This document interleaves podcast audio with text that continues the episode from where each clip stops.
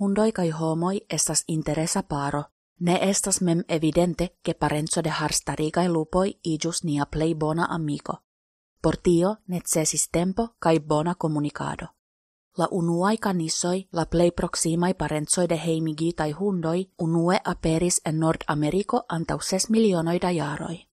Ili atingis aliain kontinentoin per la Beringa terponto kai poste la istmo de Panamo. Hodiauai canisoi estas hundoi, lupoi, shakaloi kai kojotoi. Pli parenzoi estas inter alie vulpoi. Ili estas verai chasistoi. La cruroi estas proporcie multe pli longai ol tiui de kai ili povas curi rapide kai sen pause. Tio estas utila en herbejoi, kie ili ne povas kashisin kai surprizi la predon. Multai kanissoi chassas en grupoi, kio signifas ke ili povas ataki pli grandain predoin kiel hufuloin. Pro tio, ke iliai piedoi estas adaptitai al curado, ili ofte usas la por ataki. Kvankam kanissoi estas trefi kai predantoi, ili manjas ne nur viandon. Ili havas multain dentoin kun malsamai formoi, kiui taugas por kai viando kai plantoi. La exacta dieto dependas de la specio kai la medio. Eble la plei interesa evento en la historio de canissoi estas la heimigado de sovagiae lupoi, kiui malrapide igis hundoi. Oni jam dum longa tempo discutas pri kiel tiu heimigado okazis. Antaue oni pensis ke homoi aktive malsovagigis lupoin. Tre interesa, sed falsa, teorio estis ke homoi stelis iliain idoin kai mem vartis ilin. La exacta historio versaine neniam tute elfosigos, sed hundoi versaine mem al proximigis al homoi. Lupoi kai iliai parenzoi ancora nutras sin per homai rubajoi, do tio povus esti grava factoro. La rubajoi ne estas tiom bon qualitai kiel fresha predo, sed ili estas relative facile kai secure akireblai. En tempoi de mal abundezzo, la lupoi kiui malpli timis homoin versaine pli facile travivis. Tiel lupoi comencis ekfidi homoin. Dum multai generatioi iliai metodoi de adaptigis, porque ili povu kun labori kun homoi kai esti nutratai. Dum lupoi igis hundoi, ancau ilia aspecto changigis. Ili estas malpli grandai, svingas la voston, kai la oreloi pendas. Tio povas parte esti la resulto de homa selectado, sed existas ancau geneticae factoroi. Junai lupoi estas malpli timidai ol plenkreskai lupoi.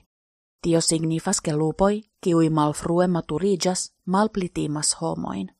Ju plida heimigado progressis, des pli malfrue la lupoi maturigis, gis ili comencis conduti sin kiel grandai lupidoi.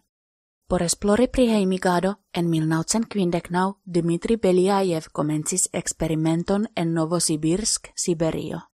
Mallonge poste envolvigis Ljudmila Trut, kiu ancora gvidas la laboron hodiau. Dmitris sciis ke multai heimigitai bestoi havas similain traitoin, kiui nomigas la heimiga syndromo. Temas pri pendantai oreloi, color variagioi, malpli granda cerbo, kai mallonga naso. La hipotezo de Dmitri estis ke la traitoi de la sindromo estas genetike ligitai al sovaĝeco kaj oni nur bezonas selekti la bestoin kun malpli sovaĝa konduto.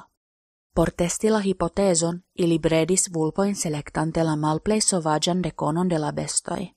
Ili kreis fiksain kriterioin por juĝi malsovaĝan konduton kiel eble plej objektive. Post nur ses generatioi la vulpoi lekis iliain manoin kiel hundetoi, kai svingis la voston kiem ili alvenis. Unue nur eta parto de la vulpoi faris tion, sed hodiau granda plei parto agas tiel. En la sekvanta jaroi ancau la extera aspecto kai la hormonoi de la vulpoi changigis. La experimento ja ricevis kritikoin, exemple che la jam estis iomete heimigitai antau la de la bredado.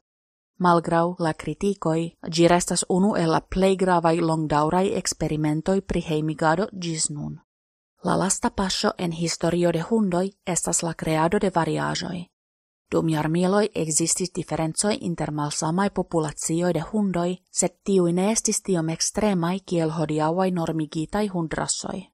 Multa el tiui hundrassoi creigis dum la lastai kelkai jarcentoi, kai jofte ili havis specifan taskon. Exemplo estas la melhundo, kies etai piedoi kai longa corpo estas perfectai por fossi kai eniri tunneloin de meloi kai aliai bestoi. Hodiau ancorau existas homoi kiui laboras kun hundoi, kiel policistoi, kiui usas iliain superain nasoin por trovi drogoin. La plei grava tasco de hundoi tamen estas esti amata. Ili estas predatai porque homoi loju kun ili kiel parto de la familio. La malhela flanco de tio estas que oni bredas rasoi nur porque ili aspectu bele, ec se tio malbonas por ilia sano. Conata exemplo estas mopsoi, kies visaggio estas tiom plata che gi povas causi spir problemoin. Unu hundo iris en tute alia directo cae de nove sovagigis. La dingo venas de sud-orienta Asio kai estis enkondukita en Australio de la australiai aborigenoi kiel heimbesto. Nun ĝi estas la plej granda predanto de Australio kaj anstataŭigas marsupiulojn kiel tilacinoin. Ekde la alveno de europeanoj en Australio ĉiam ekzistis konflikto inter bienistoj kaj dingoj. Tio resultis je la creado de la dingo barilo, reto de bariloj, kiu estas pli ol kvin mil kilometrojn longa.